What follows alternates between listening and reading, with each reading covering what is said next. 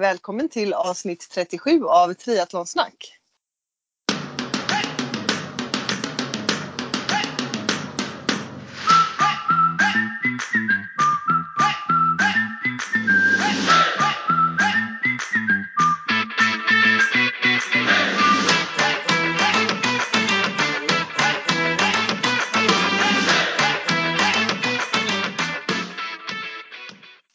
Med mig, Sofia Häger och med Therese Granelli på andra sidan.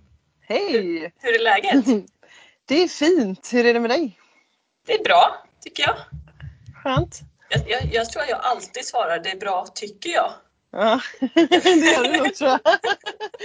Det är tur att du tycker det och ingen annan. Ja, det är ändå mig du frågar. Så. Ja.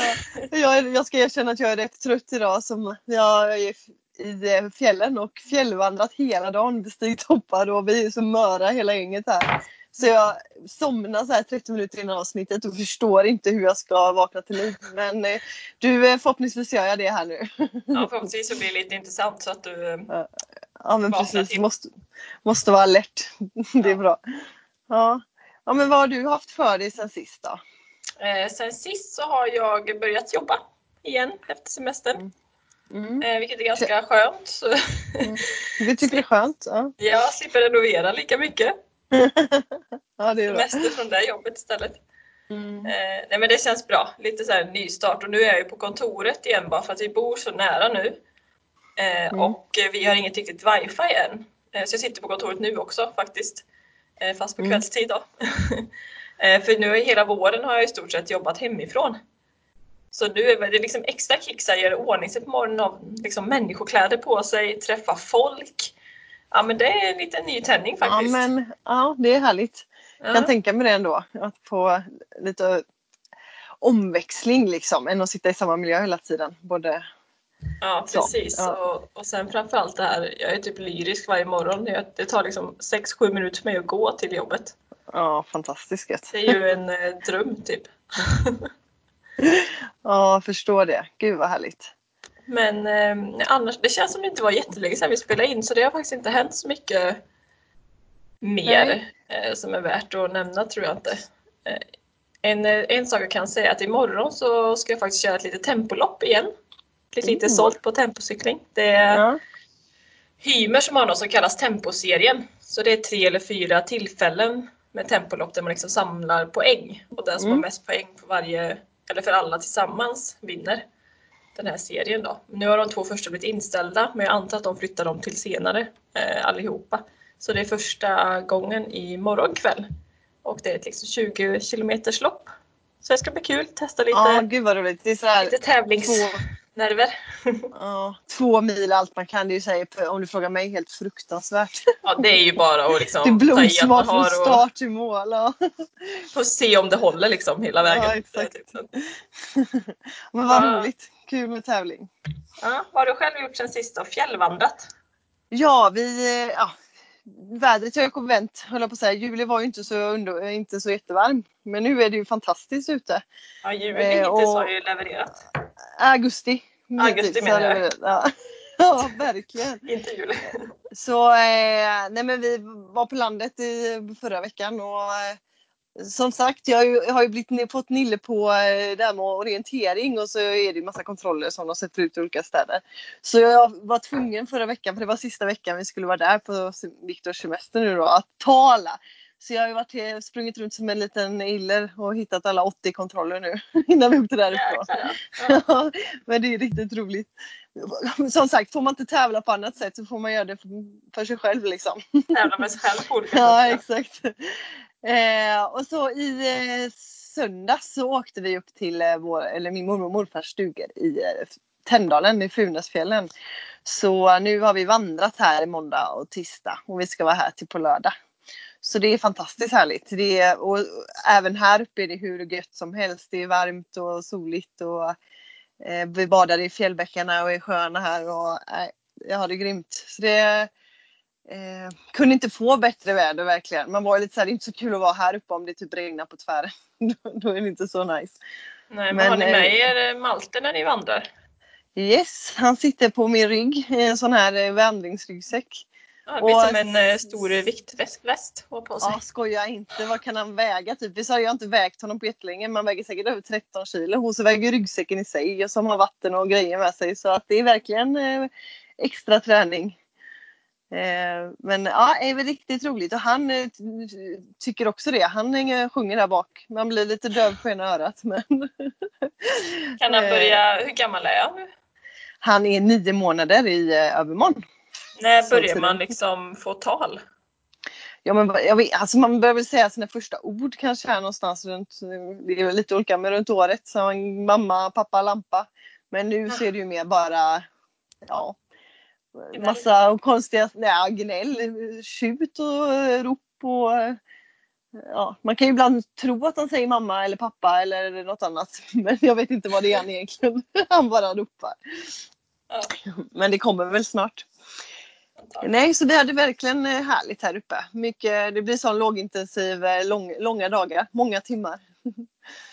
Man blir sliten på ett annat sätt då. Härligt. Bara att vara ute mycket gör att man blir trött på ett annat skönt sätt. Ja, men exakt. På ett väldigt härligt eh, sätt. När man använder kroppen hela dagen. Ja, men du, vi, idag ska vi faktiskt, eller ska vi verkligen inte prata för länge? För jag tror att vi har ett väldigt härligt långt avsnitt framför oss.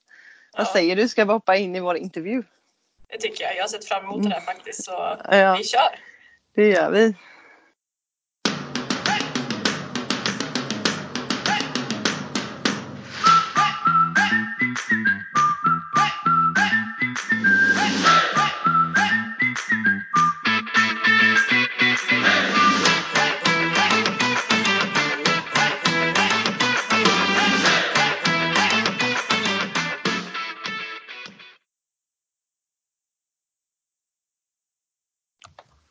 Sådär, jag tror att det här avsnittets gäst knappast behöver en beskrivning för våra lyssnare.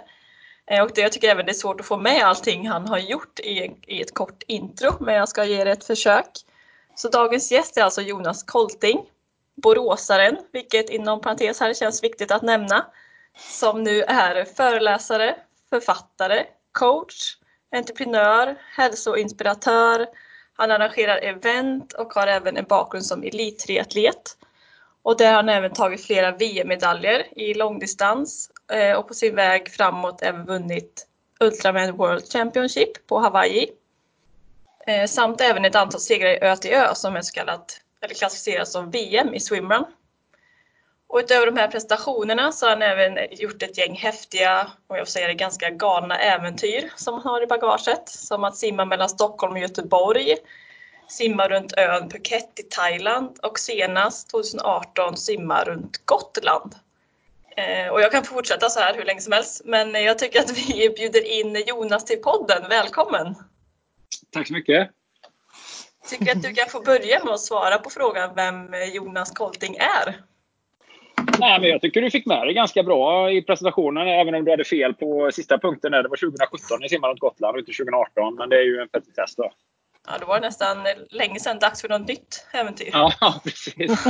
eh, nej, men jag tyckte du fångade eh, det eh, tämligen, eh, tämligen bra. Sen så, det är ju mer än, eh, Du beskrev ju vad jag gör och vad jag har gjort och så. Sen hur man är som person, det är ju, det, det är ju så svårt att på ett kort, med några korta meningar försöka nyansera liksom, hela sin personlighet. Eh, så att, jag känner väl att jag är ganska mycket som de flesta, liksom, har väldigt många olika sidor i mig. Men eh, ja, har väl försökt att jobba väldigt mycket med personlighetsutveckling under hela mitt liv. Och det är väl kanske en av anledningarna till att jag har eh, verksamheter som är lite spridda åt olika håll och så. så ja. Vill du berätta lite om din livssituation, hur den ser ut? Ja, den eh, ser ut som så att jag eh, är ju tillsammans med eh, Elin och vi har varit tillsammans i tio år. Och eh, Jag vet inte riktigt när den här podden kommer ut, när jag tänkte publicera den, men vi ska faktiskt gifta oss här den 22 augusti. Oj, det visste jag inte. Ja, Grattis! Det, ja, Nu ska vi inte, nu ska, vi ska inte, vi ska inte håsa upp det där, därför att eh, vi gör inte nämligen det själva. För att eh, vi har ju också ett barn, lilla mm. Rufus, Rufus-barnet. Och Elin är också gravid med vårt andra barn. Så, och vi har precis köpt ett stort hus tillsammans. Så att gifta sig, jag vet inte hur mycket mer man kan bli ihop vid det här laget. Eh, mer än vad vi redan är. Så det är nog mer än rent så här, att det är praktiskt, rent juridiskt att vara, att vara gifta med varandra. Då.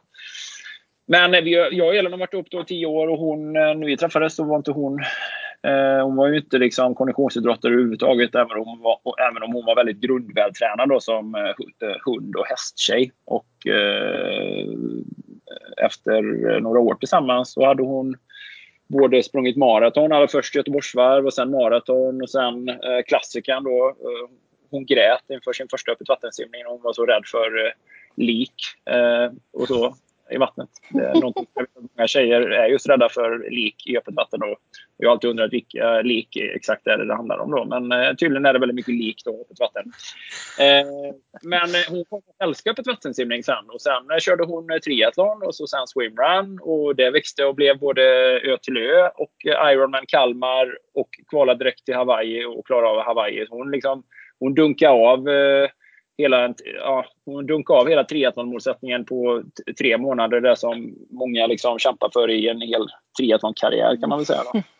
Eh, nej, men så har vi en son eh, som heter Rufus som är helt underbar. Det bästa som har hänt mig. Och, eh, vi har en till, eh, ett till barn på gång. Då. Så eh, ja, vi bor i Borås och trivs väldigt bra här.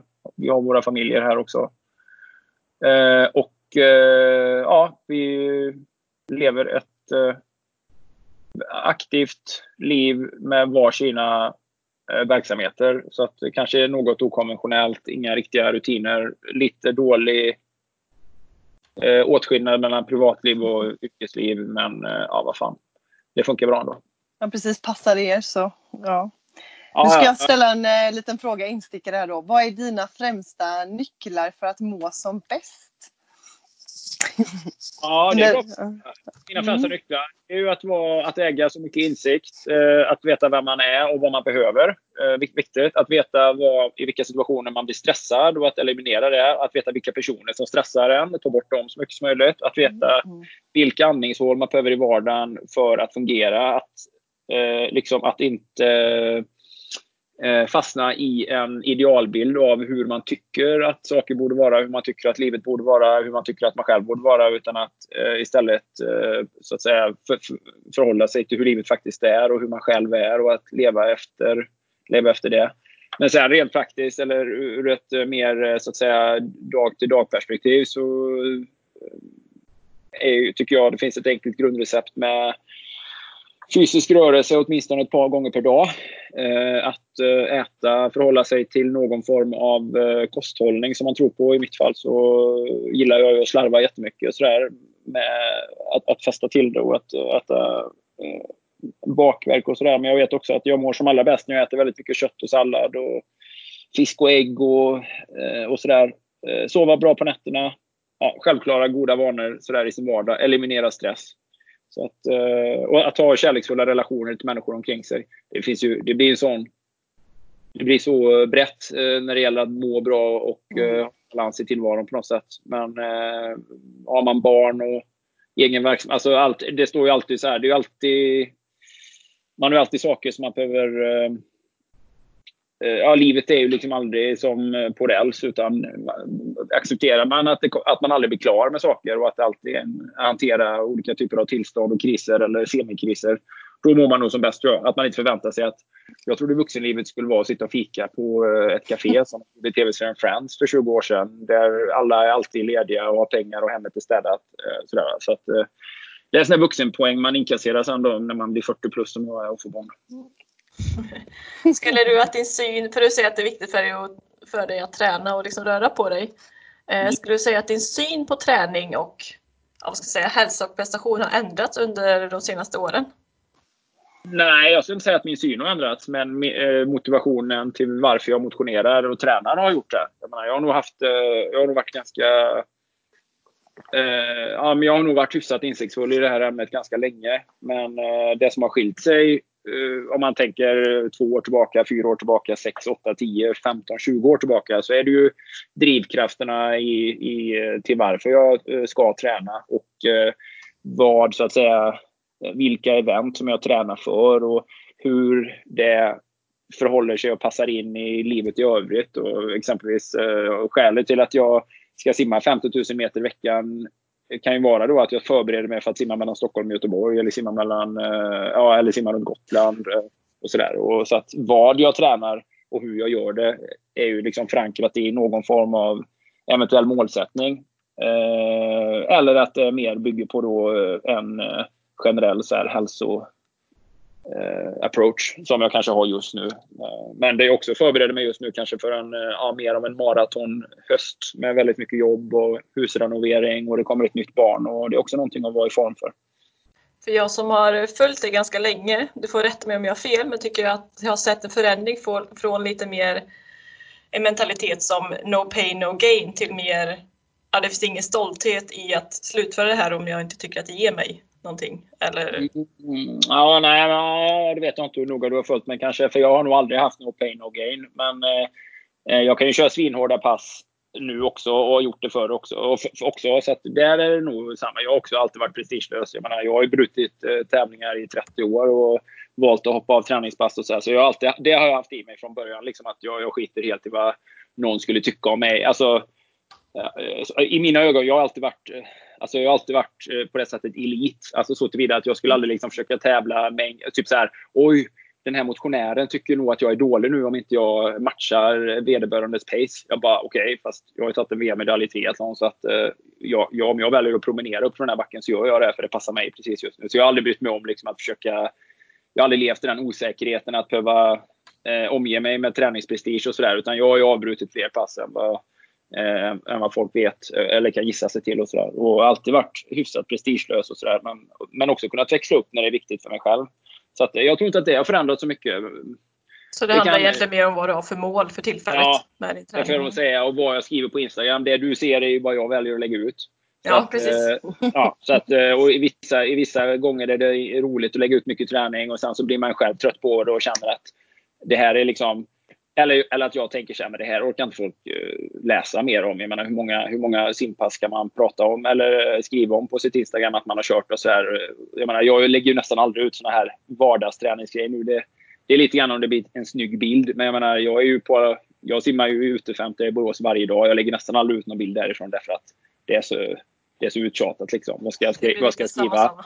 Ja, det blir lite samma samma. Så att det, det, handlar lite grann om hur man använder sociala medier och så här. Men jag, jag, får nog säga att min, min inställning till eh, träning, hälsa, motion och min egen kropp och så här, den har varit hyfsat eh, ja, men den har varit hyfsat mycket likadan under väldigt, väldigt många år. Eh, sen har väl det som ändras är ju att jag blir gammal och äldre. Liksom. Nu är jag, jag är ju snart 50 liksom. och det blir ju, då förhåller man sig lite annorlunda till, sin, till den egna kroppen än när man kanske är 35 eller 30.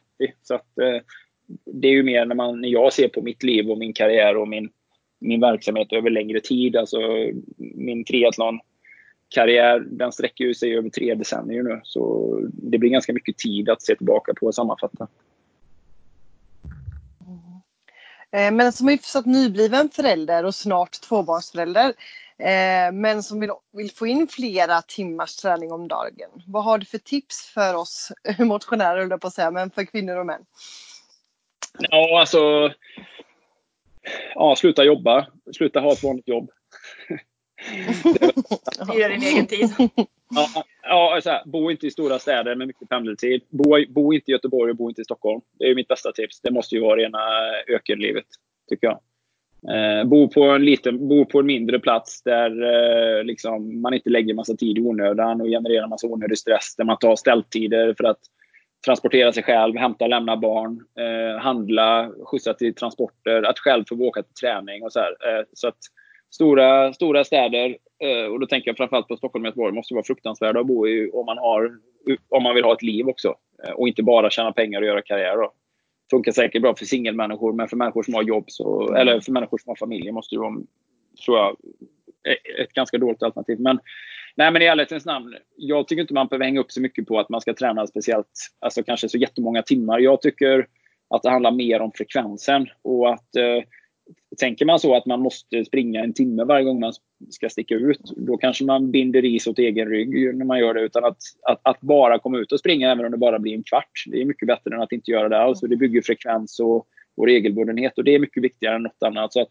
jag skulle nog börja med inställningen till träningen om, om, eh, mitt, om min tillvaro var annorlunda. Jag hade mycket mer, eh, så att säga, ett reglerat liv jag hade färre timmar till mitt förfogande. Jag, jag har ju faktiskt jag har jättemycket mycket tid till, till träning fortfarande om jag vill Elin är extremt generös och eh, jag kan åsidosätta ganska mycket annat om jag själv vill. Då. Men eh, jobbar man ett fast jobb och har mycket transporttid och sådär så då hade jag börjat med inställningen och attityden att, att bara nöja sig med att träna eh, och att kanske få till två stycken pass per dag i någon form, även om passen är korta. Eh, att eh, satsa på väldigt mycket hemmaträning, att köra trainer, att ha ett eget litet hemmagym med kanske kettlebell och eh, expanderband, kanske en roddmaskin eller stakmaskin om man har utrymme.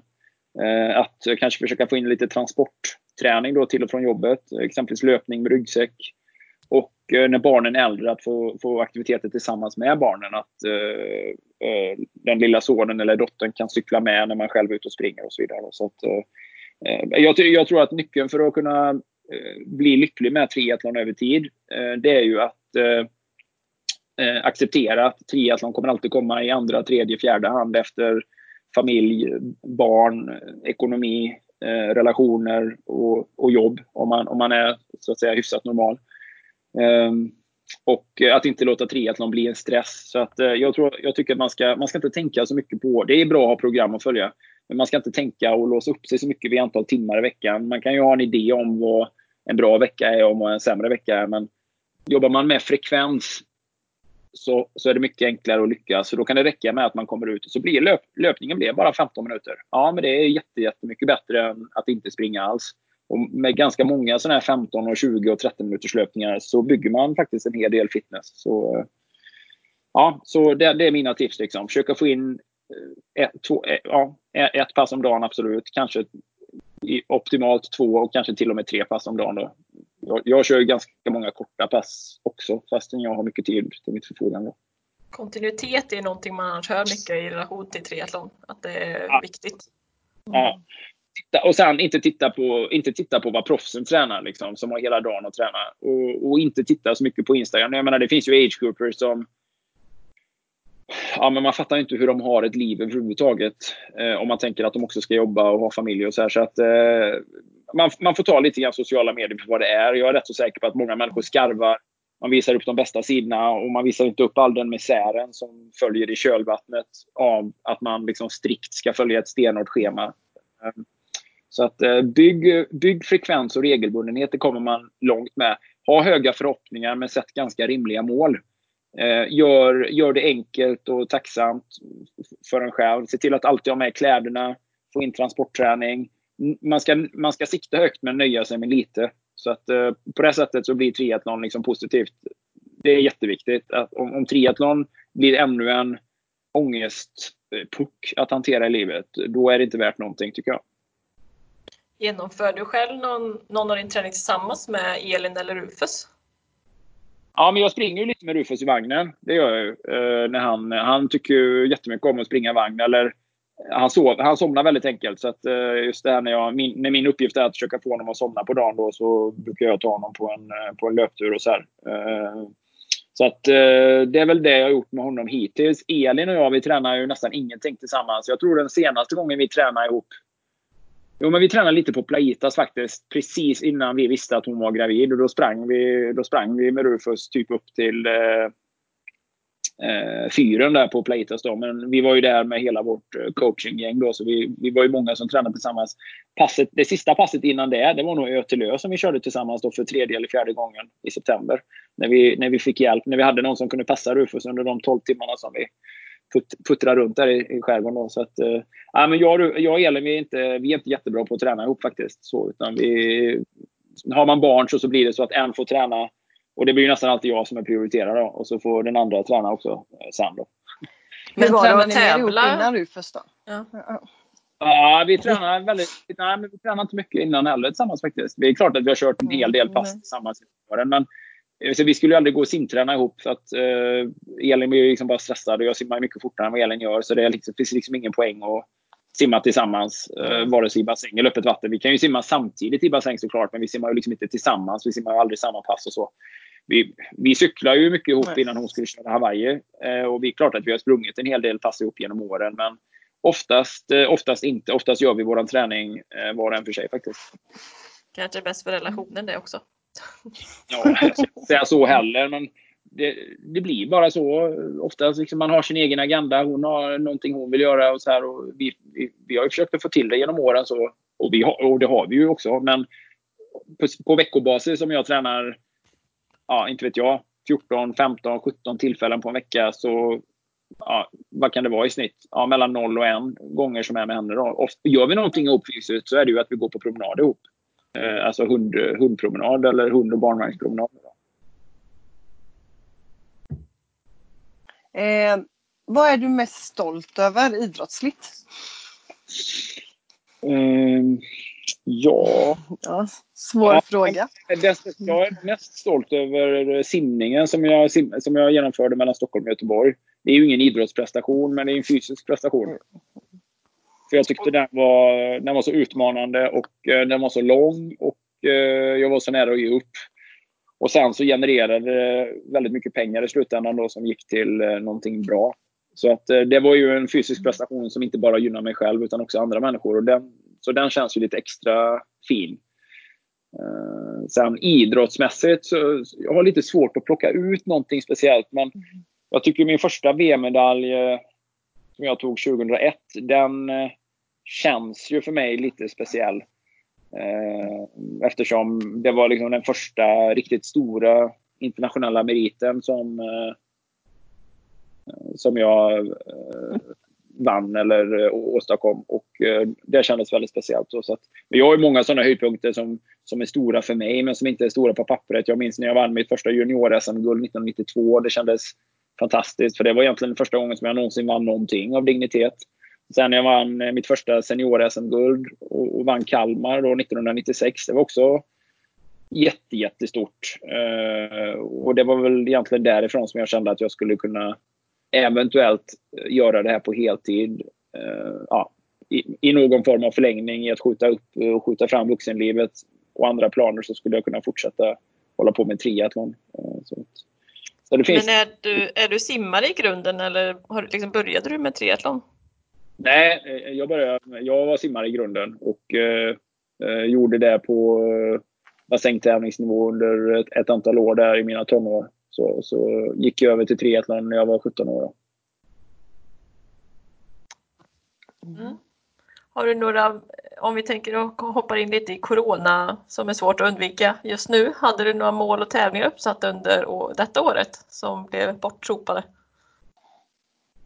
Det, det hade jag faktiskt. Jag hade eh, framförallt SM på halva Ironman i Vansbro som jag var anmäld till. Ja, just det. Ja. Så det var faktiskt det enda som eh, jag hade i triathlonväg initialt. Sen hade jag väl planer på att försöka skaffa mig en plats till Kalmar också. Men eh, det följer på skam så himla snabbt. Jag, man hann, man hann liksom inte komma så långt innan det här slog till. Då. Mm. Eh, för... Har det påverkat eh, mycket? Både verksamhet och motivation och så? Coronan ja, alltså. Uh, uh. Och sen ÖTÖ såklart. ÖTÖ har jag ju kört uh, 14 år i rad och det hade varit 15 starten för mig så den är också inställd den tävlingen. Hur tänker du kring nästa år? Då flyttar du de här till nästa år eller har du nya idéer? Eh, ja, det får jag verkligen se. Jag, jag är liksom inte... Eh, eh Ja, nej, jag har inga tydliga mål. Så det enda som jag vet att jag, jag ska köra varje år det är ju Ötelö. För den, eh, den traditionen vill jag liksom inte bryta. Utan jag vill ju köra varje upplaga. Typ, ja, jag, vill, jag kommer ju köra varje Ötö tills, tills att jag en dag inte kör av någon anledning. Och då kommer jag aldrig mer att köra Göteborg. Men eh, så länge jag liksom har hållit streaken vid liv där att ha varit med varje år så kommer jag fortsätta med det. Men eh, när det gäller triathlon och så, så har jag faktiskt ingen aning. Eh, jag vet inte vad som kommer gälla och hända nästa år när det gäller eh, de tävlingarna som varit inställda i år. Jag vet inte hur svårt det kommer vara att få plats eh, på en Ironman-tävling på en 70,3. Alla de som var anmälda till i år ska ju köra nästa år. Hur mycket plats finns det för nya deltagare? Jag har ingen aning. Så att, eh, det får vi se. Plus att vi ska ju ha till barn och det, det känner jag mig eh, kanske lite eh, nervös kring hur det ska gå när det gäller eh, träningstid och jobb och sådär. Har man ett barn så är det ganska så tydligt. Eh, en person jobbar och en person har liksom barnansvar. Så att, eh, och det, och det, är en ganska, det är en tämligen hanterbar uppgift ändå, även om det är jättetufft ibland. Då, så att, eh, men det är ändå så här, det är hanterbart. För ett barn kan ju bara skrika för ett barn. Men om man har två barn och, ja, och båda är mm. missnöjda. Mm. Då blir det nog jättejobbigt kan jag tänka mig. Ja, det blir spännande. Se ja. hur det blir. Ja. Ja, men, min, men min nästa fråga är då, eh, vad blir nästa stora äventyr? Det kanske är att bli tvåbarnsförälder då? Ja, Eller har du något? Så, mm. så tråkigt är ju det svaret faktiskt, men absolut. Men eh, jag har faktiskt inte planerat något stort äventyr längre. Vi skulle ju åkt på en häftig cykelresa i USA i år. Jag och eh, Alexander Bergen då, som jag coachar och några till skulle ju köra som ett eh, träningsläger. Och det var ju lite grann det som låg till grund för att jag sen kanske skulle kört någon lång triathlon i sommar. Det här, den här cykeltouren då och eh, träningen runt det skulle liksom ligga till grund för att sen kunna ja, boosta en riktigt fin eh, eh distansträningsform. Men hade, ni inte, hade ni inte tänkt köra någon tävling i Kalifornien också? När ni ändå var på Nej, cykel? inte jag. Nej, kanske Alex, Alex kanske. Alex, Alex hade fått åka dit och köra 70,3. Ja, det gick inte att anmäla sig faktiskt som eh, age-grupper utan man, det var bara proffs som kunde anmäla sig då vid det laget. Men eh, också så här, väldigt tidigt så bara, nej men det, man kan inte åka till USA så att eh, vi hade ändå planerat väldigt eh, eh, eh, vi var ju långt gångna i de planerna. Vi skulle ju åkt bara två månader efter att det här reseförbudet infördes. Så det kanske blir då nästa äventyr, även om, även om inte jag tror det. Därför att jag har, ju, jag har ju så himla svårt att vara borta från eh, min son eh, nu, märker jag. Mm. Det är jättejobbigt. Alltså, så, så att, eh, jag längtar ju otroligt mycket efter honom. Bara jag, om jag bara är borta över natten så känns det lite jobbigt faktiskt. Och det, det hade jag faktiskt inte förutsatt innan att det skulle bli så. Om vi hoppar in lite på mm. din, egna, din egna träning. Mm. Hur planerar du dina träningsveckor? Eller planerar du ens i förväg och bestämmer vad du ska träna eller lite mer i stunden? Ja, jag ska säga hur jag planerar. Jag går in på Klart, eh, Klarts väderapp och så kollar jag hur vädret ska bli. Och är det då soligt eh, och eller vindstilla så är det då, då är det ju SUP nu på sommaren som gäller. Därför att då får man väldigt, då får man väldigt mycket soltid och eh, det är bra förhållanden för SUP. Är det kanske soligt men eh, att det blåser, då simmar jag ju ute 50. Och är det, är det en riktigt fin dag så kommer jag nog både suppa och eh, simma. Eh, och sen eh, planerar jag lite utifrån det och sen blir det oftast någon form av styrketräning på kvällen. Så det är exakt vad jag har gjort idag faktiskt. Jag har suppat på morgonen och sen har jag simmat på Lideberg och nu kom jag precis från gymmet då innan, innan vi drog igång podden här då. Eh, och, eh, och sen ibland har jag ju bara att jag bestämmer för att imorgon ska jag cykla mountainbike och då går jag upp och så gör jag det oavsett hur vädret är egentligen. Och, eller löpning eller stavgångsintervaller och så här. Så det, det beror lite grann på vad jag tränar för. Men nu när jag inte har något, eh, jag har inget eventfokus, Ö till Ö är inställt. Det finns liksom absolut ingenting i eventväg för mig ens vid horisonten just nu. Eh, så, eh, så kör jag sån träning som är så, så varierad som möjligt men som också liksom tillhandahåller en, en härlig väderupplevelse eller en härlig naturupplevelse. Och ja, då passar jag på liksom att utnyttja sommaren så mycket det går, så länge det går. Då. Och då blir det ju liksom det här som är lite exklusivt somrigt. SUP, ute 50 simning. Uh, ja. Framförallt då. Och sen, sen så styrketränar jag alltid året runt då, för jag tycker, jag tycker det är en skön känsla i det. Men har du någon struktur med liksom hårda respektive lugna pass eller är det också känsla att du känner liksom i passet? Ja, det är väldigt, eh, det är väldigt spontant. Jag, jag, jag, alltså jag kör egentligen inga hårda pass längre på det sättet. Alltså, i, i min värld hårda. Hårda pass för mig mm. är ju pass där man har ångest inför och det känns lite som man ska dö under tiden. Men jag kör ju lite, jag kör ganska mycket naturlig intervall. Så jag tar i då, precis som du eh, hintade om där, att det är mer på spontan basis som jag liksom tar i om, om kroppen känns bra. Mina styrkepass är ju alltid hårda så tillvida att jag alltid tar i egentligen allt vad jag kan. Och jag har ju kört jättemycket stavgångsintervallpass i år, när, alltså upp, upp för en väldigt brant backe här i Borås. Då. Eh, och de passen är ju också alltid hårda, men det är ju mer, det är mer terrängen som kräver det. Alltså att bara ta sig upp är ju eh, en pulshöjare då. Så att, eh, ja men det är lite blandat. Alltså det är så svårt att, när man analyserar sin egen träning, för jag vet ju hur, hur hårda pass, pass har varit tidigare när de är jättehårda. Och det är klart att jag kan ju köra en intervallserie med medley eller fjärilsim som jag kan tycka är ja, den är ju ganska jobbig så, men den är ändå rätt så kort. Det, blir inte så här, det är inte så att det gör jätteont. Det gör ju lite ont, men bara ett kort tag. Så att, eh, jag får ju ändå in lite, jag får ändå in ganska mycket högintensitetsträning. Men jag begränsar den lite grann i tid. Så att det är sällan jag upplever att träningen är så superhård nu för tiden. Eh, åtminstone nu så som det har varit nu, att inte jag tränar för någonting för tillfället. Så kan... det är precis, och det är precis som jag sa tidigare, jag satsar också på frekvens och regelbundenhet. För att det finns så mycket att hämta där. Jag, jag, vill liksom inte, jag vill inte låta något enskilt pass eh, liksom sänka mig för mycket. Eller jag vill liksom inte bli däckad av eh, ett enskilt för hårt pass. Därför att det går ut så mycket över livet i övrigt. Eh, tyvärr. Just nu. Hur, hur kan ett SUP-pass se ut? Ja, men det, det blir mer som en upptäcktsfärd på vattnet. Alltså, det blir ju mer att man, när jag suppar, då suppar jag nästan alltid på Öresjö i Borås. Det, det, samma sjö som Borås Triathlon och Borås Swimrun går i. Och, eh, eh, jag suppar ju egentligen bara när det är hyfsade förhållanden och då, då ska det liksom inte blåsa så mycket för då blir det så, blir så stökigt på sjön och man fångar mycket vind och man får dålig teknik. Men då kör jag längs eh, kanten. Liksom. Jag kör längs eh, strandkanten.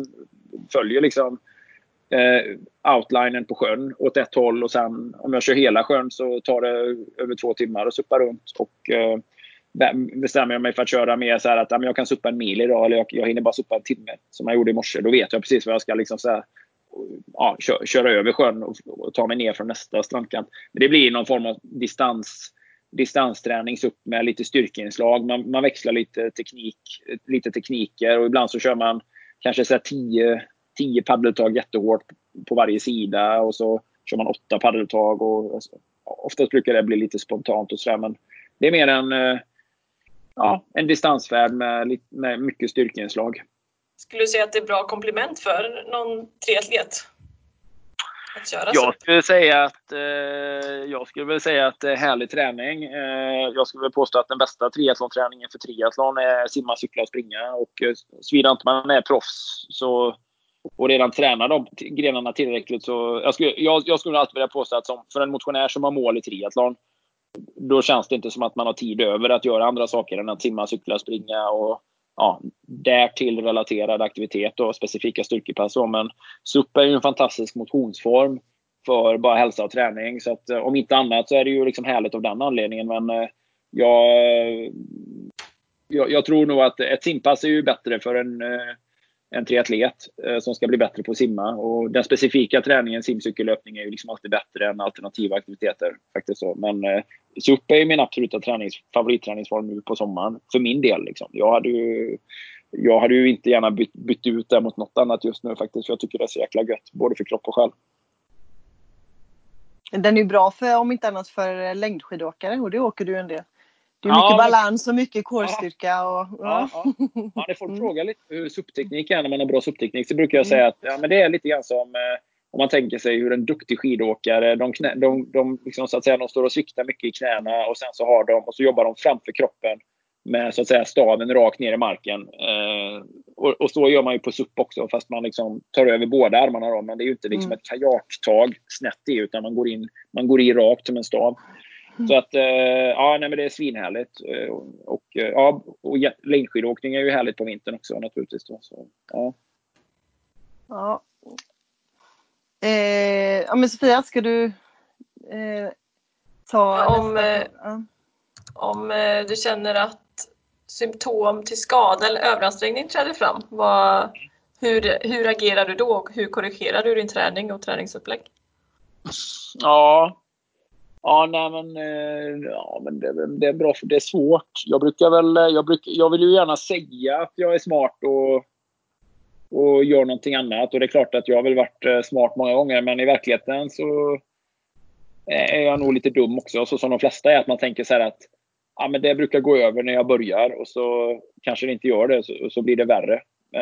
Men ja, men jag brukar väl vara hyfsat försiktig. Jag, jag brukar kunna skilja på sånt som är så här mer så här, kronisk ömhet. Alltså när man, är, när man är lite äldre och tränat många år så har man ju kanske någon, någon, någonstans i kroppen där man vet att man är lite strukturellt svag eller dålig. Man är född med vissa sämre förutsättningar. Liksom. Jag vet ju att min rygg kommer ju alltid kännas lite öm. Sådär, så att det är jag van vid. Men jag vet också hur det känns när man har ont i ryggen på riktigt. Och att kunna, kunna skilja där mellan det som är så att säga mer i ens egen funktion. Än, ja, att man en svag länk och det som har blivit en ny skada. Det, det är nog ganska viktigt. Så att, eh, ja, men jag är väl för det mesta smart och jag har, jag har så många aktiviteter jag kan välja mellan. Men sen så skulle jag kunna säga hundra gånger genom åren det också bara har pushat på fastän, fastän att det har känts eh, fastän man har fått signaler om att inte göra det. Eh, och nästan alltid har det faktiskt gått vägen trots allt. Då.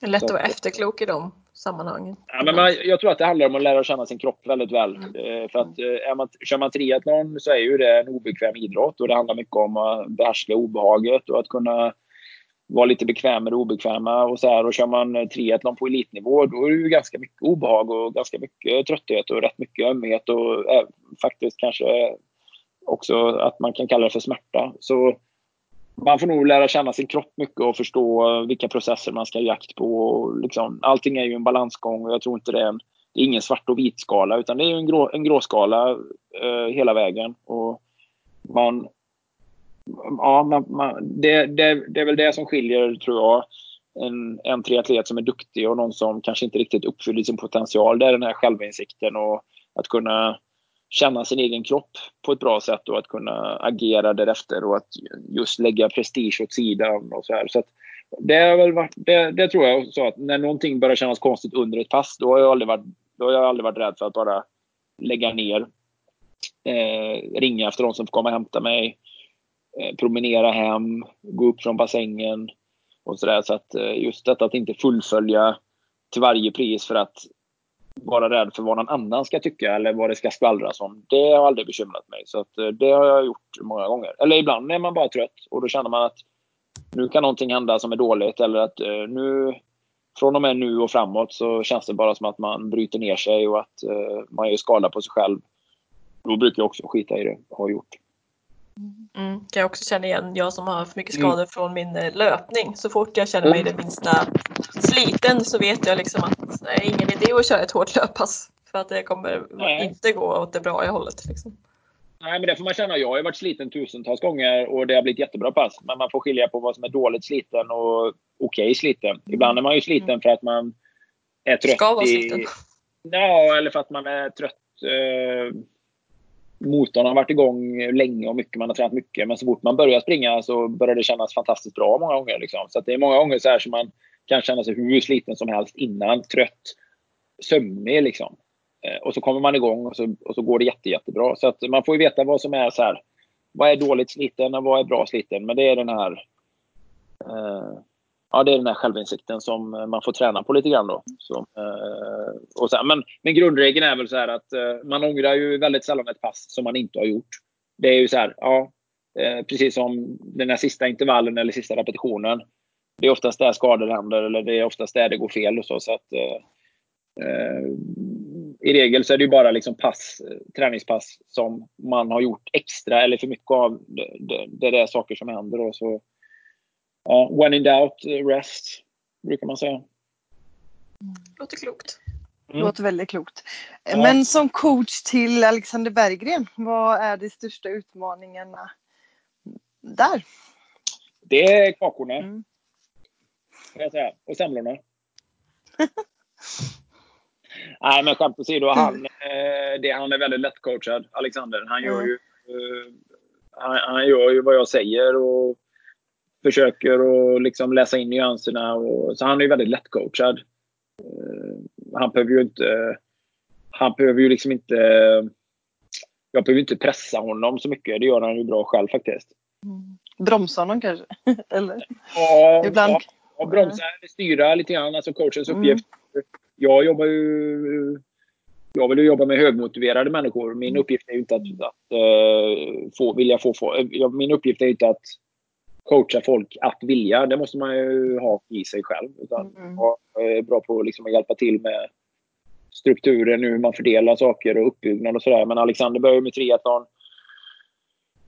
Som... Eh, eh, ja, han var ju en absolut nybörjare när vi började jobba ihop egentligen och hade ju liksom eh, visst kört lite swimrun och hade ju naturligtvis en gedigen simbakgrund men hade ju ingen triathlonbakgrund och hade liksom inte cyklat och så. så det, man får ju se det som en väldigt lång process att bygga en, att bygga en duktig triatlet. Och han eh, förstod ju det och har förstått det och har varit, eh, han har varit duktig på att ta sådär ett steg i taget. Och, eh, och jag har kunnat ställa rimliga krav också. Jag kan inte liksom förvänta mig att han ska växa in eh, i, i alla delar på en gång. Utan det tar ju tid att göra det helt enkelt. Och att eh, han ska ju lära sig att eh, lära känna sin kropp på det här sättet i de här grenarna och det tar också tid. Så det handlar om att eh, man får liksom inte lägga på alla krav och alla förväntningar på en gång som coach. Eh, och han får inte göra det heller på sig själv. Så det har vi pratat mycket om. Och att, eh, eh, ja, bygga kontinuitet och,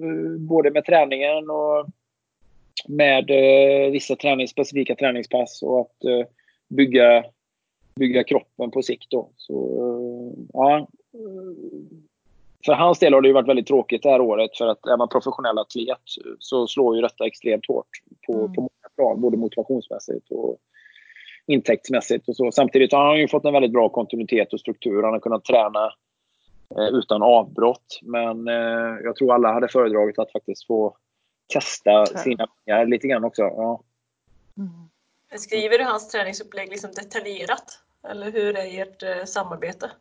Ja, men hyfsat detaljerat. Eh, det beror ju på i vilken period vi är. Eh, jag, jag har ju en idé om vad han ska göra.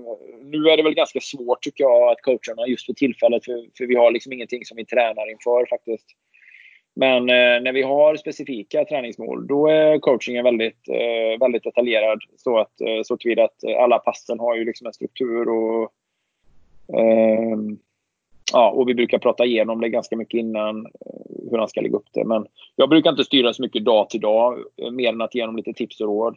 Utan han har då ett antal pass per gren som han ska göra och det brukar lite grann förklara sig självt vilka, vilka pass man kör på vilka dagar. Och, eh, ja, och vi, har också, vi kör ju en del träning tillsammans faktiskt. Eh, I våras så tränade vi för att köra Catalina Ötelö Swimrun och då körde vi rätt mycket träning tillsammans, både löpning och simning. Vilka, vilka lärdomar anser du är viktigast att föra vidare till Alex?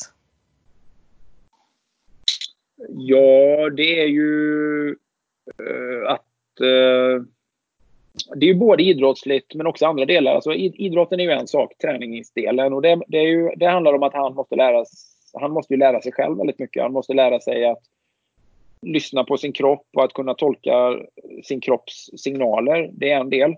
Eh, och, jag kan, jag kan hjälp, och jag kan bara hjälpa till då med att tillhandahålla, tillhandahålla verktygen. Han gör ju träningen och det är han som ska tolka sin egen kropp. Jag kan ju liksom inte läsa in i hans kropp och även om jag kunde det så är det, eh, så han behöver förstå själv. Så att, eh, och det, det är ju en uppgift som han har. Men sen är det ju också andra delar och det handlar ju exempelvis om eh, att vara professionell triatlet, hur man ska tänka, vilka tävlingar ska man köra, hur, man ska, hur ska man förhålla sig till eh, Eh, hur, hur, ska man, eh, vilka mål ska man ha, vad, vad ska man satsa på, hur lång horisont ska man ha på saker, vad är, vad är rimliga mål, vad kan, man, vad kan man vara nöjd med, men vad kan också vara barriärs, så att säga, så här, barriärsbry, barriärsbrytande mål. Och livet som professionell triatlet i övrigt. Alltså hur, hur försörjer man sig? Hur jobbar man mot sponsorer? Hur kan man eh, eh, hur kan man tänka? Hur kan man, eh, hur kan man hantera? Hur kan man förhandla? Vilka partners ska man jobba med? Vilka ska man inte jobba med? Och så vidare. Så att, eh, det är ju en del eh, eh, det är ju flera olika delar i, i den coachingen. Liksom. Alltså att, att, bli, att kunna hantera träningen, det är ju den ena delen. Och det är ju en sak. Och den, den är ju ganska enkel i sammanhanget. Eh, och en fjärde aspekt är ju att faktiskt kunna tävla triathlon. Det är ju en sak att vara i bra form. Men, eller att kunna träna bra. Men att kunna tävla triathlon bra, det är ju en färdighet i sig och det kräver ju ganska mycket övning. Alltså man behöver tävla en hel del för att bli duktig på att tävla. Och man behöver köra, köra många tävlingar. Inte bara på specialdistansen då, utan på triathlon överhuvudtaget. Så eh, jag försöker väl vara ett bollplank till honom på alla de här fronterna och bidra med det jag kan. Och det är ju andra som också kommer med input naturligtvis. Eh, idag är det ju ganska lätt att få information. Det är ganska lätt att följa Patrik Nilsson och se hur han gör. Även om man inte man får inte se allting han gör, men man får se en glimt av det. Eh, världen är ju liksom öppen och transparent på ett annat sätt än vad den var när jag höll på. Då fick man liksom gissa sig till saker och ting och höfta bäst man ville. Och många gånger var ju det bra som man lärde sig. Men eh, Sen ska man komma ihåg att man, man har ju alltid en egen unik situation som inte är lik någon annan. Så den måste man ju... Det är den kontexten som man måste verka inom. Så att, eh, jag och Alex vi pratar en hel del för att eh, guida honom framåt i det. Då. Du driver ju även eh, Colting Borssén och coachar alla möjliga motionärer. Vad är Mm. skillnaden på denna generella coachningen och den mot Alex? Det är en jättestor skillnad för Alex, Alex coaching. Den är ju helt individuell och helt baserad på hans unika förutsättningar. Det, det är ju, Alex är ju den enda personen som jag på det sättet engagerar mig personligen i. Mm. Eh, och eh, eh, vår digitala coaching är, ju, är vi jättestolta över och den bygger på samma röda tråd som, eh, som coachingen som Alex har. Eh, men vi, ja, så att, eh, jag har ju liksom ett upplägg jag tror på på årsbasis. Och, den ligger till grund för all, alla program och all coaching som jag har gjort, inklusive den som jag har kört på mig själv sen ja, ganska många år tillbaka.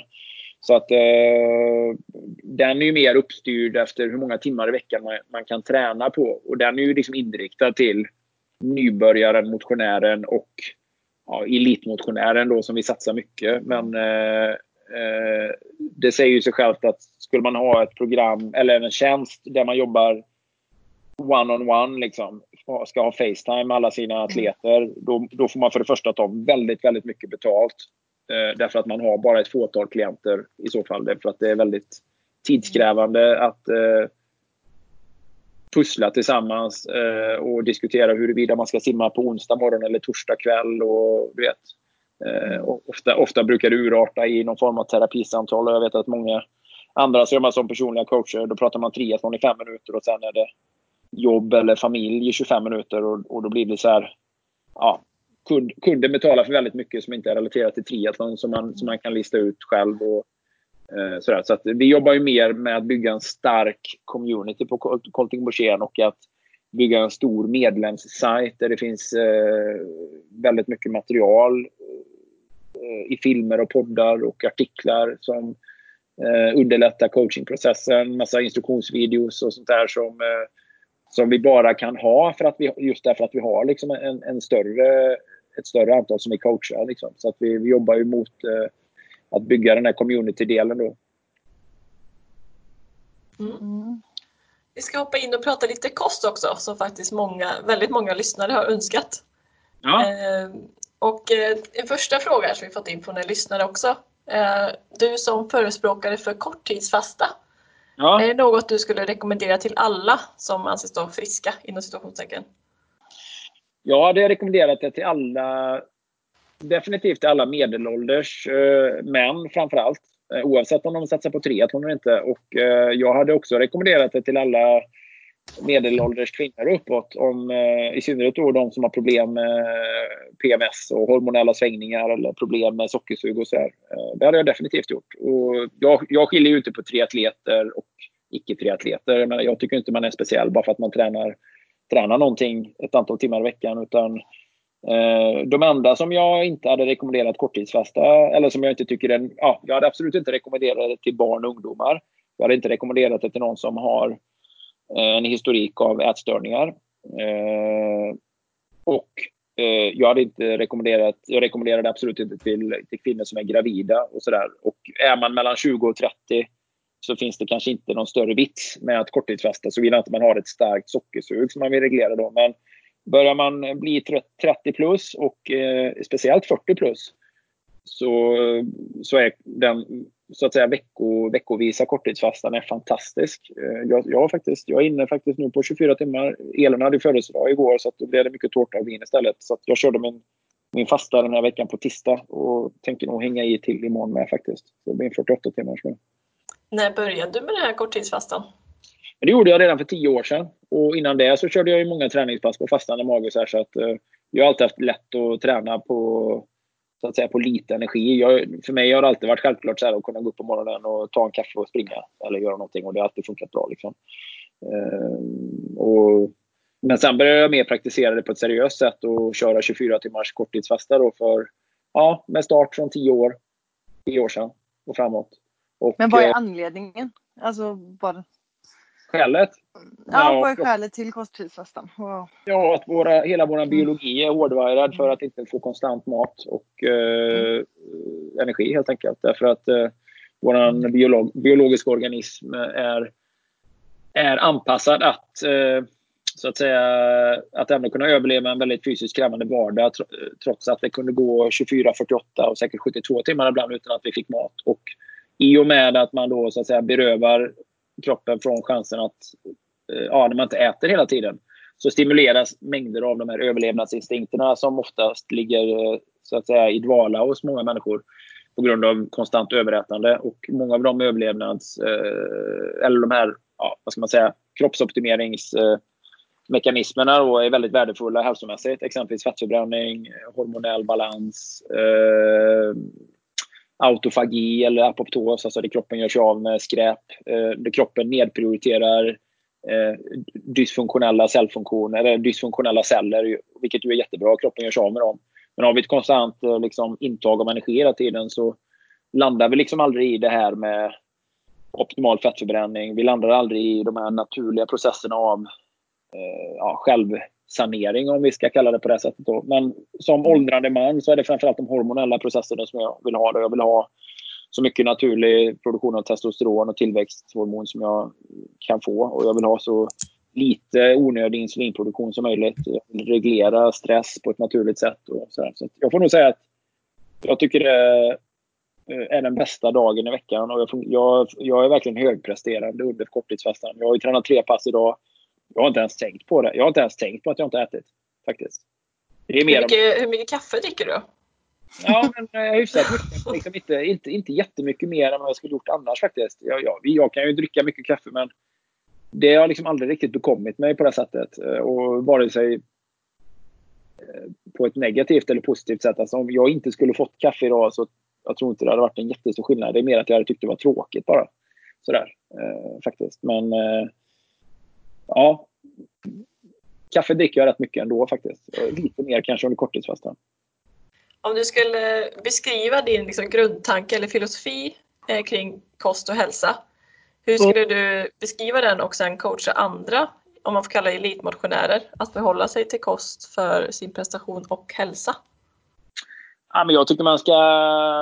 Eh, eller, tycker, alltså för det första, folk får äta precis som de vill. Jag, jag har ingen eh, prestige i hur folk äter så länge jag får äta som jag vill. Och jag är inte heller någon eh, sådär, vad ska man säga, eh, eh, jag har inget, jätte, jag har inget egenintresse av att övertala folk att göra som jag tycker. Men, men, eh, och det finns ju uppenbarligen ganska många olika sätt att äta på som funkar för en del olika människor. Jag menar, sådär, en, men samtidigt ska man ju komma ihåg att många tror att de mår bra tills att de märker att de kan må jättemycket bättre. Det finns ju många människor som sådär, tror att normalnivån är att alltid vara lite svullen om magen, att alltid ha lite ont i magen, att alltid behöva gå och bajsa fem gånger om dagen. Alltså man, man, har så, man har så mycket vant sig vid det att man tycker att det är okej. Okay. Man tycker till och med att man mår bra. Tills att man gör en stor förändring och så märker man att helt plötsligt mår man så in i helvete bra. Därför att de här problemen eller den här gråzonsohälsan som man alltid burit med sig, som man har normaliserat, helt plötsligt är borta. Och det är lite grann det som jag tycker att man ska liksom experimentera med. Jag tror att eh, mycket av ätandet i vår värld det har blivit så skevt därför att eh, hela vår värld har ju... Eh, alltså, utvecklingen har ju varit exceptionell med många olika saker under de senaste 50 åren och senaste 100 åren. Oerhört mycket av det vi äter idag i form av halvfabrikat det är ju helt och hållet nya produkter som inte har någon som helst förankring i så i mänsklig biologi överhuvudtaget och som säkert inte är speciellt nyttiga för oss. Alldeles för mycket socker, alldeles för mycket förädling. Det har genomgått alldeles för många processer, för många tillsatser. Alldeles för många onaturliga, dåliga förädlade fetter. För dåliga råvaror och så vidare och så vidare. För långa transporttider. Så att eh, jag tror att man ska eh, kanske analysera sin hälsa och sina, vad ska man säga, sina eventuella idiosynkrasier och svagheter och eh, då ska man göra val därefter och så ska man också bestämma sig för att man ska missunna sig någonting helt och hållet. Jag, jag tror exempelvis att man ska skära ner mycket vardagssocker. Jag tror inte att det finns en poäng med att äta mycket spannmål sådär.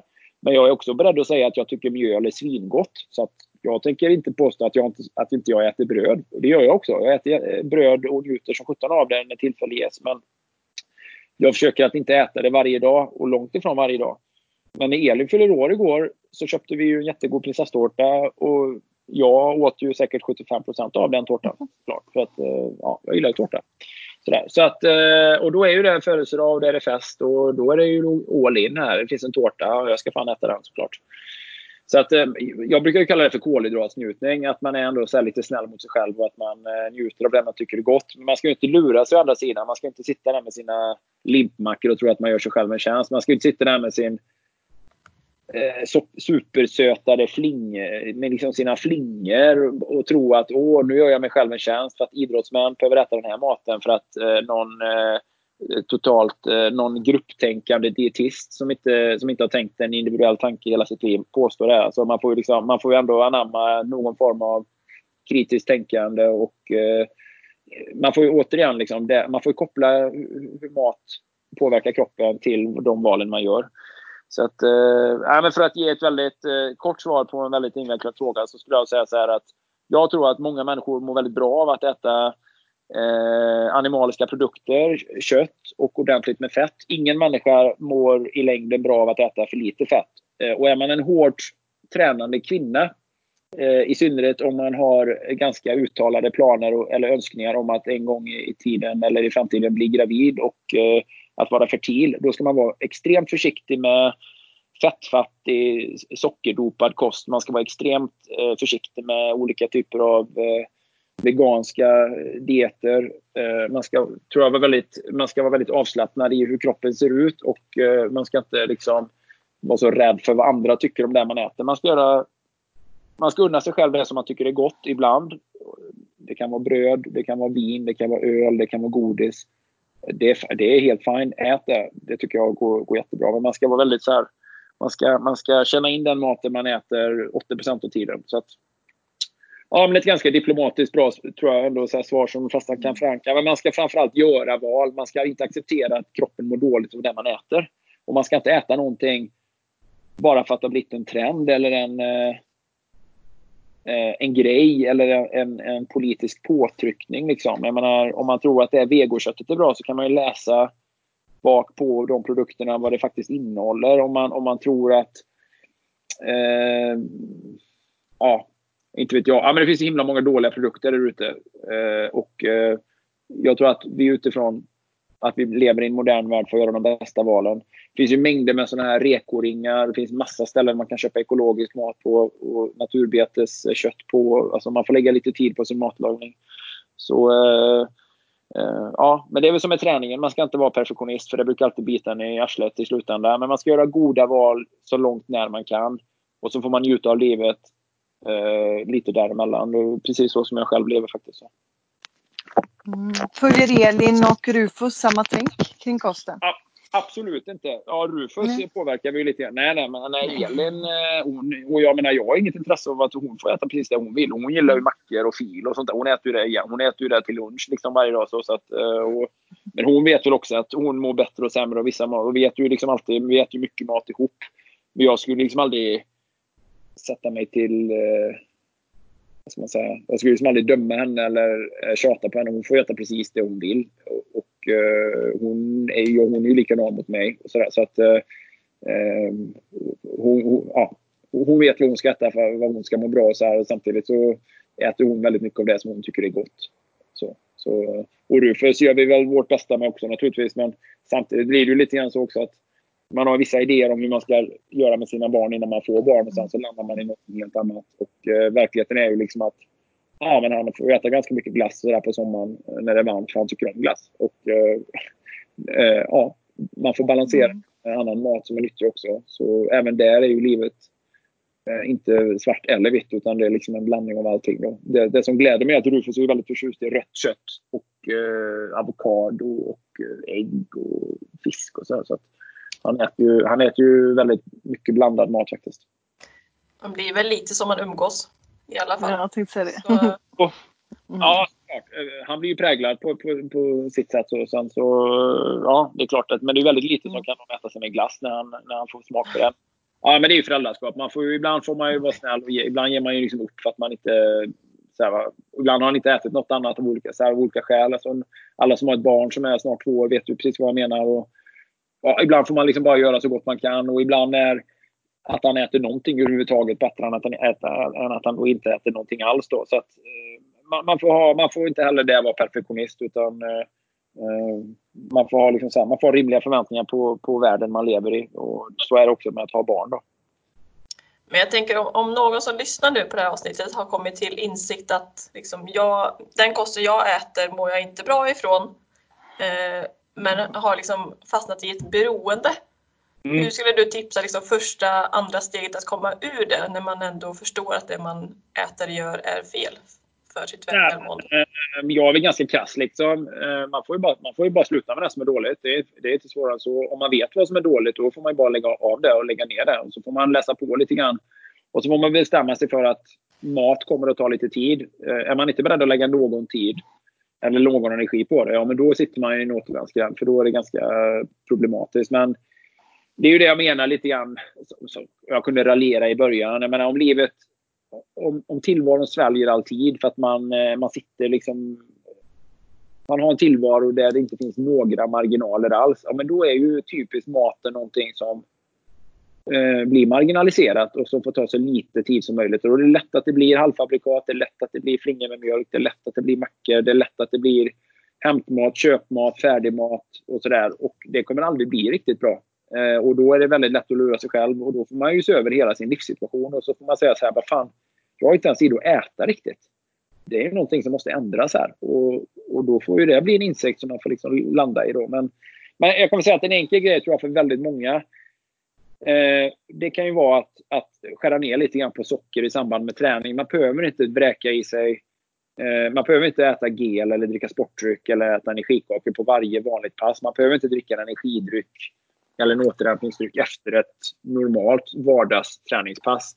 Man behöver inte äta en stärkelserik frukost bara för att man har sett reklam med Gunde Svan för 30 år sedan.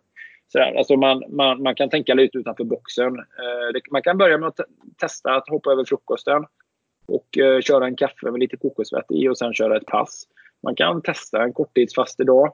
Eh, och sådär. Man, man ska tror jag, ge akt lite grann på om man är slav under sockret. Alltså att man, eh, att man blir otrevlig. Om, om man blir så här hangry, att man blir arg när man inte får äta. Då eh, är det kanske en varningsklocka som ringer att man ska eh, vara försiktig med sitt blodsocker och sitt insulin och sådär. Om man blandar ihop eh, hunger med eh, fallande blodsocker. Alltså när man inte kan skilja på det som är hunger eller sug. Så då har man lite grann att lära sig. Så, så att, eh, ja, men det, man måste intressera sig för frågan och så måste man eh, experimentera och så ska man eh, kanske tänka lite fritt, eh, lite grann utifrån, förbi de paradigm som man är van vid att tänka inom. Eh, ja, sådär, så att, eh, och sen det sista som är viktigt för en triatlet tror jag, eller en motionsidrottare. Man är inte speciell för att man kör triathlon. Många tror det. Men, eh, eller så här, men jag kan säga så här, nej du är inte speciell. Du är precis som alla andra så tillvida att det finns ingen ursäkt att äta slarvigt eller speciellt. Om nu att äta speciellt är att äta dåligt. Nej, man är inte speciell för att man tränar för närmare. Du är precis som alla andra. Eh, och eh, dina, din marginal för att äta skräpmat är inte större bara för att du, bara för att du tränar för en Ironman. Det tror jag det är många som inte riktigt fattar. Mm. Skulle du säga att du äter för att träna eller tränar för att äta? Nej, inget är det. Mm. Ja, jag skulle säga att jag... Eh, jag är... Nej, nej, de grejerna hänger inte ihop för mig alls faktiskt. Äter för att leva och tränar för att leva. Ja, precis. precis. Ja, ja, men så ska jag säga. Så här. Ja, men, eh, ja, men, så här, men om, vi får, om man får vara eh, lite kliché där då. Så, ja, men jag äter för hälsa och tränar för hälsa. Så, så får det väl sägas då. Och sen, mm. Men också för livsnjutning. Jag tränar för livsnjutning. Och eh, jag äter också för livsnjutning. Så. Så, eh, ja, men, men för mig är inte så här, träning och kost, eller de två, det är inte så här, så här åh jag brände tusen kalorier så nu kan jag unna mig det. Eller omvänt, åh nu åt jag två bullar så nu måste jag förbränna 400. Alltså de hänger ju inte alls ihop med mig så. Eh, inte, inte för fem öre. Vad säger du om konceptet chain low, race high då? Jo, men det tror jag mycket på. Det var väl, eh, det är ju någonting som jag har anammat mycket genom åren då. Och, eh, ja, men det blir liksom, det blir ju det här, köra mycket träning på vatten. En, mycket träning på eh, fastande mage på morgonen då. Typiskt är ju att man hoppar över frukosten, kör ett pass och sen äter frukost eller brunch. Och sen inför tävling så boostar man på lite mer. Eh, med, och sen framförallt under loppet då, så kör man ju all den energi som man kan ta in då på olika sätt. Så att, ja, men jag tror på det konceptet. Och I verkligheten är det nog väldigt mycket så som eh, mycket ur konditionselit världen över i många idrotter faktiskt eh, tränar och lever och sen tävlar. Mm. Hur ser det men på, på en Ironman-distans då? Hur ser ditt energiintag ut då? Är det... Ingen, nej men det växlar nej. och ingen ja. plan alls. Alltså, jag tror att... Känsla. Hög, ja, känsla. Mm. Alltså det, nu, ju, ju mer motionär du blir, då är det mer så att det ska vara... Och då, så här, då man blir så anal, att det ska vara exakt så här. Och så, då ska jag ha den gelen den ska... Mm. Och så är det då människor som har packat med sig nästan ett campingbord ut på cykeln. Och är så jävla mycket gel och skit. Nej men alltså jag vet ju att jag skulle kunna köra stora delar av tävlingen bara på den energin jag kan så att säga fettförbränna från. Men eh, ja, så jag, det är ju väldigt okomplicerat för mig. Jag bara så här, ja, men jag har med mig lite jag, får, jag har lite special needs och lite langning. Eh, som proffs, jag vet ju knappt hur det är att tävla som age men som proffs, jag hade med mig koncentrat. Eh, ja, men typ man startar med två eller tre flaskor på cykeln, så fick man en påse och det räckte resten. Och sen på löpningen är det cola. Det är inte svårt för mig alls. Liksom. Mm. Jag äter ingenting ja, kanske äter en halv proteinkaka, men ja, inte mycket mer. Och sen bara dricka så mycket cola jag kan. Skillnaden att tävla som proffs är att man fick mycket privat langning och då kunde man dricka mycket mer och så fick man dricka i flaska. Jag hatar ju att dricka ur kopp så här på löpningen därför att det är helt värdelöst. Man får inte i sig någonting. Så att, äh, någon form av elektrolytdryck eh, äh, på cykeln för mig. Och sen äh, mycket cola på löpningen bara. Och då kan jag hålla på hur länge som helst. Hjälper du Alex med nutrition också? Ja, men inte mer än att jag säger till honom när han inte får äta godis och kakor. Han är ju sjukt, eh, sjukt svag för bakverk då, den killen. Så, eh, ja, ja, nej, men jag... Men det är ett, ett, ett, ett, vad jag menar med då, att man kan liksom inte jobba på alla delar samtidigt. Jag har varit lite avslappnad när det gäller hans kosthållning än så länge och han har lite grann fått äta som han vill. Han vet ju själv faktiskt. Han vet ju själv hur han ska göra för att inte slarva. Och eh, han kan vara hård mot sig själv när han vill. Eh, så att jag tänker att det kommer väl komma i steg två eller steg tre. Först försöker vi mer optimera träningen. Eh, komma upp en, en eller två nivåer där och sen så börjar vi jobba lite mer med kosten också. Så här, vi, vi pratar ju kost också, men det är inte så, jag är inte på honom så mycket med det. Jag håller inte på och eh, jag liksom rannsakar inte hans eh, ätande på det sättet som jag intresserar mig för hans träning. Då. Mm. Vi börjar närma oss de sista frågorna här, men eh, ja, vad drömmer du om inom de närmsta åren? Att, eh, att, eh, att överleva den här hösten. Nej, Nej, men eh, jag drömmer om de nästa åren. Men alltså, nu har vi haft ett konstigt år bakom oss. Jag drömmer om att mm. kunna arrangera våra event och att eh, livet ska återgå till väldigt mycket det vanliga. Men eh, och jag menar, hoppa in lite att eh, vårt, att vårt barn som kommer, att den förlossningen går bra, att både Elin och vårt, nya, och vårt eh, kommande barn är friska. Alltså, väldigt sådana enkla, självklara saker i livet. Liksom att hälsa och välmående och lycka. Liksom. Det, är, det enda som är... Att få människor omkring mig friska, det är det absolut primära. Allt annat är väldigt sekundärt. Eh, för egen del så hoppas jag att kunna kanske skriva en bok inom kort. Då, rent yrkesmässigt. Men att att, att hjulen börjar snurra på den vanliga verksamheten och att jag kanske får möjlighet då kreativt sätt att kunna producera no något nytt material i någon mån. Kan du hinta om något vad en bok skulle handla om? Eh, ja, jag har någon bok faktiskt som jag skissar på som, eh, som eh, handlar om vad jag vill lära min son eller, ja, eller mina barn typ så här, en, pappas, eh, en pappas eh, lärdomar ur livet till sina, till sina barn. Det är en bok faktiskt som jag håller på med. Och sen är det väl någon bok som bygger lite grann på de föreläsningarna som jag har jobbat med. Då, typ att vara bekväm eller obekväm. Alltså det är någonting. Det, det, är två böcker egentligen som jag håller på att skissa på då. Men eh, som också. Det kräver lite isolerad tid och arbetsinsats för att man ska. Ja, för att det verkligen ska lyfta då. Se om du får det i höst då. Ja, ja, nej, jag tror inte det. I höst tror jag det blir faktiskt. Men ja, man kan ju ändå på något sätt eh, jobba på det mentalt. Man kan alltid göra anteckningar och så här. Så att många gånger är det ju så man är det så man, man kommer igång. Man känner att man har landat så mycket material att man kan ändå börja skriva och då brukar det gå av sig självt lite mer. Jag tänkte väva in en eh, lyssnarfråga här innan vi tar sista frågan faktiskt eh, ja. för idag. Och det är en lyssnare som vill veta mer om era husplaner och renoveringen.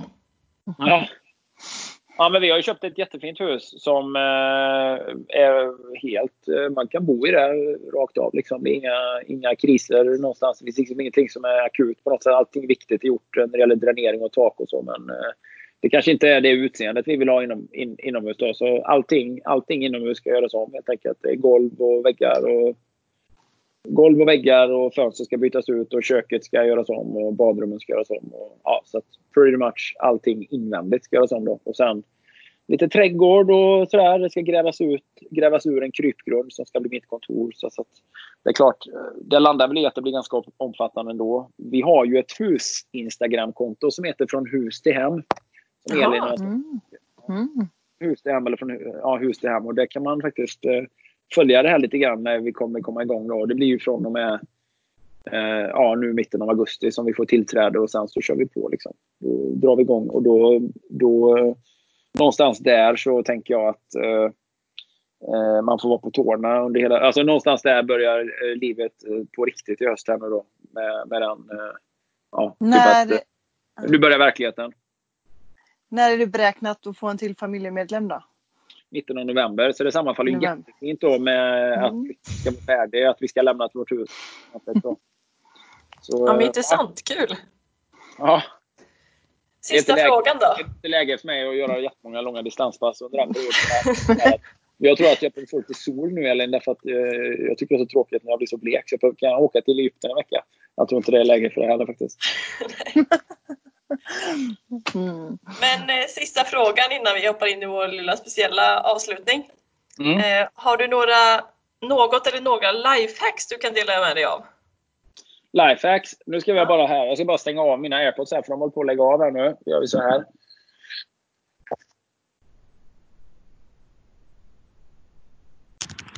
Hör ni mig? Ja, det är lite annat tunnelljud men det blir bra. Uh, på vilket område. Jag tycker vi har, jag tycker vi egentligen bara pratat om lifehacks. Fast ur triathlon och träningsperspektiv. Fast, korttidsfasten är ju ett riktigt lifehack. Mm. Men, eh, jag vet inte om jag har några så här. Jag tycker inte jag är jätteexpert eh, på någonting så egentligen. Utan det är så små saker både här och där. Liksom hur man man kanske tänker med sina... Med sin, eh, alltså det, är mer, det är mer filosofi skulle jag vilja säga. Jag har inte så mycket lifehack utan det är mer livsfilosofi generellt. Hur man ska tänka kring... Typ så här. Ja, men lever man för att jobba eller jobbar man för att leva? Hur tänker man på pengar och ekonomi? Investerar man sina pengar i eh, eh, dyra omkostnader? Har man, höga kapital, har man dyra kapitalvaror eller försöker man liksom investera dem med avkastning? När tänker man att man har för horisont för, på sitt arbetsliv? När ska man gå i pension? Så det är mer så funderingar på på tillvaron och att betrakta sig själv liksom utifrån eh, drivkraftsperspektiv. Varför gör man det man gör? Eh, liksom, hur, hur kan jag få mera? Vad är det som på riktigt är värt någonting? Eh, och I mitt fall är det ju så att tid. Tid är ju värd allting. Eh, att ha mycket pengar men noll tid, det hade ju inte varit värt ett jävla skit för mig. Att ha ganska mycket mindre pengar men ha otroligt mycket tid i sitt förfogande, det är ju värt... Då är man ju miljardär i min värld. Liksom. Att äga sin hälsa och sin tid, då är man ju riktigt, riktigt rik. Att vara att vara tjock, sjuk och rik eh, och bo i Stockholms innerstad, det är ju, är ju riktigt fattigt för mig. Eh, då är man ju en riktigt fattig människa. Så, här, så att, eh, det är mycket sådana saker, typ att man kan resonera med sig själv och sen utifrån det göra förändringar, få med sig sin familj, hitta kanske minim, minimal, ja, leva ett minimalistiskt liv fast på ett rikt sätt med andra. Då pratar jag inte ett påvert liv, men, men så att men det finns mycket man kan skala bort och skala ner som kostar pengar, som kostar tid, som kostar stress. Eh, och så kan man få mer tid över för varandra och sig själv. Och det tror jag är nyckeln för att må bättre och reducera stress. Ja, ändå bra svar tycker jag. Ja, men det är en, en lifehack. Ja. ja. Therese, ska du dra topp tre-listan? Ja, då ska vi hoppa ner på vår topp tre-lista. Och eh, vi vill att du ska dela med dig av dina tre bästa träningspass till en triatlet. Vad tycker du alla borde göra då och då? Eh, ja, som eh, ja, men typ triatletens bästa träningspass. Ja. Ja, men då, okay, då, då kör vi ett pass i varje gren här då. Och eh, då tycker jag ju att eh, eh, då hade jag satsat på en, ett ett bra intervallpass simning med den insikten att om vi tänker så här, det här är den typiska motionstriatleten och den typiska motionstriatleten har lärt sig att simma i vuxen ålder. Och eh, Eh, kommer att kråla svinlångsamt om eh, då vederbörande ska försöka kråla långa intervaller eller distanssimma. Så att eh, det är mycket bättre att liksom dela upp krålandet i korta intervaller som kan bli ganska hårda men där man också kan kråla på och få mycket, mycket bättre effekt av och också mycket bättre liksom så här, färdighetsutveckling istället för att det blir något så här eh, slow motion simning som en sengångare. Så här, allting går långsamt. Så kan man liksom ändå simma på ganska bra om man får vila varje längd, äh, efter varje längd. Så att istället för att simma typ så här, 1000 meter sträcksimning så kan, inte, kan intervallpasset vara att man simmar 10, 10 gånger 25 meter där man eh, vilar 20 sekunder efter varje 25 och då ska man simma ganska hårt. Och sen efter 10 stycken så kan man simma 50 löst eh, bad bara och så återhämtar man sig och så gör man den serien fyra gånger om. Så man simmar fyra set om 10 25 med 20 sekunders vila mellan varje 25 och eh, då har man liksom fått en hel kilometer crawl i riktigt hög och bra hastighet. Och så kan man göra lite valfritt insim innan och lite valfritt avsim. Så är det ett bra simpass då. Och, eh, så det, är ju ett, det kan ju vara sån här, ett så kallat, ja men det skulle ju kunna vara ett nyckelpass simning. Och simning är ju tacksamt för det kan man ju köra på ganska hårt hela tiden. Man har ju verkligen, men det är ju liksom ingen risk med att simma hårt. Eh, löpa hårt, det är stora risker med. Men, men simma är liksom ingen fara att det är alltid ganska jobbigt. Då. Cykel så skulle jag vilja säga att nyckelpasset cykel på samma sätt. Det hade varit att köra lite power training. Alltså att man kör eh, intervaller som är lågkadensbaserade. Alltså om man tänker sig hur det hade känts om man hade cyklat upp för en riktigt lång backe. Typ man hade varit i Alperna och kört en sån här Tour de France-klättring. Så hade ju kadensen varit ganska låg. Eh, men, men intensiteten hade också varit hyfsat hanterbar. Eftersom om det är en lång backe så måste det, så får ju liksom, man kan ju inte gå på och köra som att det känns som en maxintervall. För då hade man liksom inte pallat en klättring som är två timmar. Utan man, man, sitter, man sitter ju ner liksom och grindar och det blir ju så här på lite lägre kadens. Kanske 60, 60 kadens per minut då, eller 60 RPM. Och sådana intervaller är ju svinbra att köra på trainer eller på testcykel. Så att eh, exempelvis men säg, eh, det finns massa, man kan köra tuffa, tuffa power, power training pass men man kan också köra mer eh, Eh, ja, som blir motsvarigheten till långa klättringar. Men jag skulle säga så här att man skulle kunna köra efter att ha cyklat igång så skulle man kunna köra 20 minuter plus 15 minuter plus 10 minuter plus 5 minuter lågkadensträning, powertraining eh, med kanske 3 minuter rull mellan varje intervall. Och så kan man då låtsas att backen bara blir brantare och brantare och brantare. Så att eh, de sista, att 5 minuterna då är hårdare än vad 20 minuterna. Så det är väldigt bra muskelträning och det är ett bra sätt att liksom lyfta sina watt. Att, eh, att kunna, dra, kunna dra lite tyngre växlar sen när man tar i. Då. Och sen löppasset. Då, nyckelpasset där som alla kan ha nytta av att göra. Det är alltså ett långt och lugnt löpdistanspass i terrängen. Eh, inte obana terräng så, för det kanske blir, då kanske det blir väldigt mycket mera promenad än vad det blir löpning. Men det typiska motionsspåret, den, typ, den typiska stigen, eh, gärna kuperat. Eh, ja, gärna så alltså kuperat som det bara går så att det blir också lite naturliga fartleksinslag. Då. Men känslan ska ändå vara att eh, man håller tillbaka på intensiteten och att det får gå det får vara precis hur lugnt som helst, eller långsamt som helst uppför. Klockan kommer inte bli glad av ett sånt här pass för att man springer ute i terrängen. Så det kommer se långsamt ut på kilometertiden. Men ett långt, lugnt löpdistanspass i terrängen, det är, det är det absolut bästa för långsiktig löputveckling. Så att det är de tre passen. Mm, det, det gillade jag att höra, sista ja. löpningen där. Ja, den är min favorit tror jag. Ja. ja. Men vi ska ta och avsluta här med fem snabba. Japp. Mm. Eh, så du kommer få två alternativ där du egentligen inte ska tänka innan du svarar det ena eller det andra. Ja, ja. Eh, så är du redo? Jajamän. Träna med eller utan musik? Uh, träna med. Träna på tidig morgon eller sen kväll? Tyvärr tidig morgon nu för tiden. Sprint eller olympisk distans? Ja, olympisk faktiskt. Skavsår eller håll? Håll. Varma eller kalla förhållanden under tävling? Kalla. Ja, det hade jag inte chansat på? Trott. Nej, Nej. faktiskt inte. Ja, men jag, kan, jag kan hantera vilket som, men eh, man tävlar ju bättre relativt sett eh, när det Så. man blir ju varm i sig själv. så. Jag, blir alltid, jag, jag, ja, jag, har aldrig, jag har aldrig någonsin stött på för kalla förhållanden i en tävling faktiskt. Ever. Så att, eh, triathlon är ju bara alltid för varmt. I det stora hela egentligen. Då, så att, eh, Du, kan du frysa? Eller? Men du är van att simma kallt har man ju Ja, sagt. men jag, jag, nej, jag fryser ju inte om jag får röra på mig. Men om jag är satt i en situation där jag blir passiv, ja, då fryser jag ju som alla andra.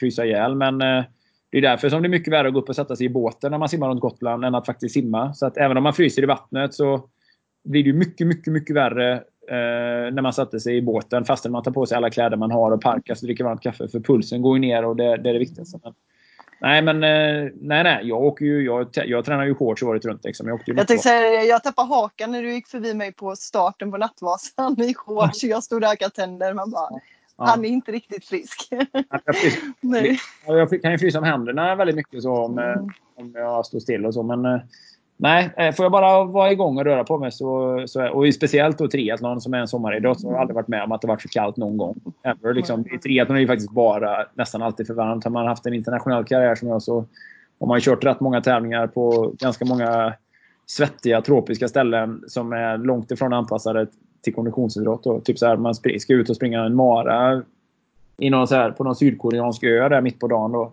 eh, i 40 graders värme eller liknande. Så här. Men eh, då är det ju mycket godare med en eh, regnig svensk eller typ en molnig svensk 14 graders dag. Det ju, finns ju inget bättre för att faktiskt få ett bra lopp. Sant. Det var det vi hade planerat för det här avsnittet. Ja, Väldigt högt och lågt. Jättekul eh, att du ville vara med. ja men tack själva. Är det någonting du känner du vill tillägga bara till våra lyssnare?